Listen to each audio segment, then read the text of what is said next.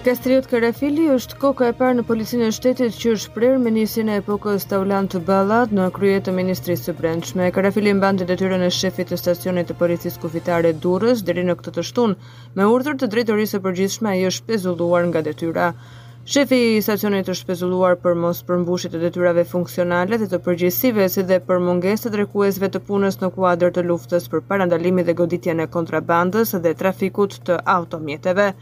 Për më tepër, Drejtoria e Standardeve Profesionale në Policinë e Shtetit ka nisur hetimin disiplinor për performancë të dobët gjatë kryerjes së detyrës, si dhe për moszbatim të procedurave standarde të punës. Ndërkohë nga ana e Policisë së Shtetit kërkohet rritja e nivelit dhe standardeve për shërbimin ndaj qytetarëve dhe rritja e treguesve të punës në luftën ndaj paligjshmërisë dhe krimit.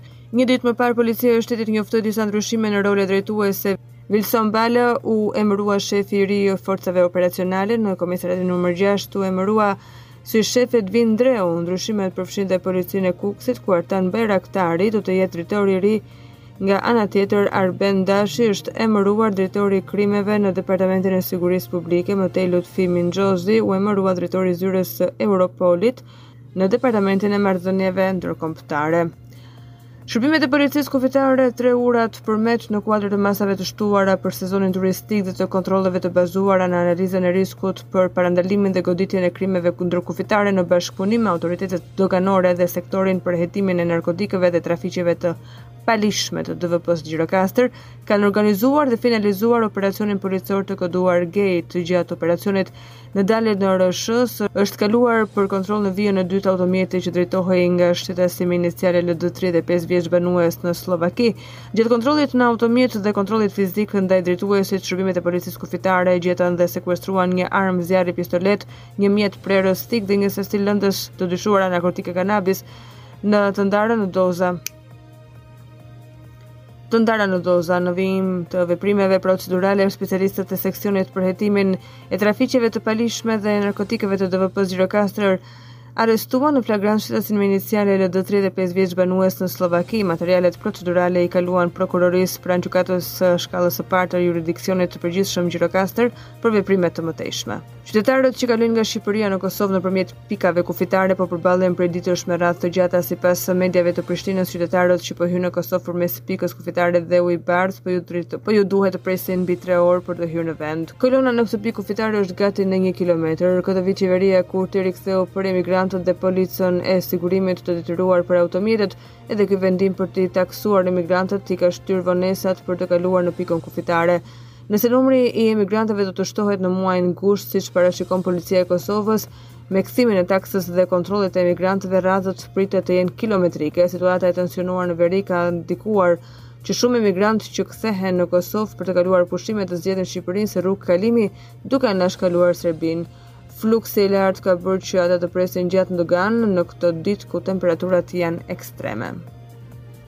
Kishin shkuar për të kaluar ditët e nxehta pranë bregdetit, por dy persona kanë humbur jetën të premten pas kontaktit me ujin. Një nga viktimat u shënua në plazhin e Durrësit, ku një 68 vjeçar në Porto Romano rreth orës 19:20 sapo ka rënë në kontakt me ujin ka shfaqur probleme shëndetësore ku ka gjetur vdekjen. dhe menjëherë është transportuar në spital, por ka ndërruar jetë. Paraprakisht dyshohet se i moshuari ka pësuar arrest kardiak, ngjarja tjetër ndodhi në plazhin e Tales, ku humbi jetën një 52 vjeçar. Viktima nga Kamza ka humbur jetën sapo ka hyrë në ujë dhe ai ka shfaqur probleme shëndetësore pas dyshohet se pushuesi humbi jetën nga i njëjti shkak.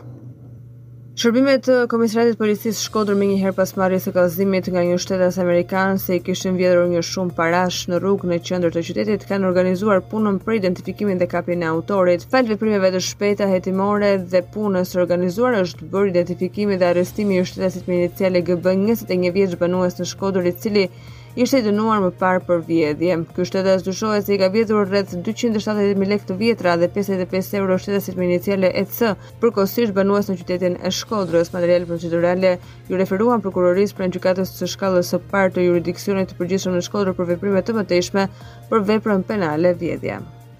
Një aksident i rëndë ka ndodhur në aksin rrugor Lezhë Milot në afërsi të fshatit Pllanë, bëhet me dije se dy automjete tip Benz janë përplasur me njëri tjetrin nga të dhënat e para kanë mbetur i plagosur. Dy automjete tip Benz janë përplasur me njëri tjetrin, nga të dhënat e para bëhet me dije se kanë mbetur të plagosur shoferi i njërit prej mjeteve dhe është dërguar me urgjencë në spitalin e Laçit. Shkak për këtë aksident dyshohet të jetë parakalimi i gabuar. Kreu i Partisë së Lirisë Ilir Meta në një dalje për mediat ka dalë kundër vendimit të Kuvendit ku me votat e mazhorancës u miratua legalizimi i kanabisit mjekësor. Sipas Metës, mjaft drejtues të Policisë së Shtetit janë përfshirë në trafikun e drogës nga jugu në veri duke theksuar Ndër të tjera, se është shtuar me rreth pesëdhjetë për qind numri i përdoruesve të drogës në vend. Dje pas mesnate në errësirë, Kuvendi miratoi ligjin për legalizimin e kanabisit, një ligj i kritikuar nga të gjithë dhe i paralajmëruar se do të dëmtojë të ardhmen e vendit. Ky ligj ka dështuar edhe në vende me shtetin e së drejtës më funksional se Shqipëria. Rama me vetëdije të plotë mbajti premtimin që iu bëri narkotikëve për shërbimin që i bënë në zgjedhjet e fundit, sakaq Meta u ndal Edhe tek miratimi i projektligjit që detyron studentët e mjekësisë të punojnë në vend për një periudhë kohore deri në 5 vite, sipas tij diplomat e studentëve janë marrë peng nga mazhoranca dhe në mënyrë arrogante dhe antikushtetuese. Ky është një vendim shumë arbitrar, është një vendim antikushtetues dhe mbi të gjitha është një vendim i cili kërkon që krizën e shëndetësisë falas të premtuar përpara 10 vitesh dhe dështimin dhe kolapsin e plotë të të gjithë sistemit shëndetësor për të cilën ka vetëm një emër që është Edi Rama dhe qeveria e tij, t'ua hedhim në kurriz studentëve të mjekësisë. Kuvendi mbylli sesionin e parë parlamentar me një seancë maraton ku u miratuan dhe dy projektligjet e mësipërme. përmbledhja e lajmeve javore në podcast.com.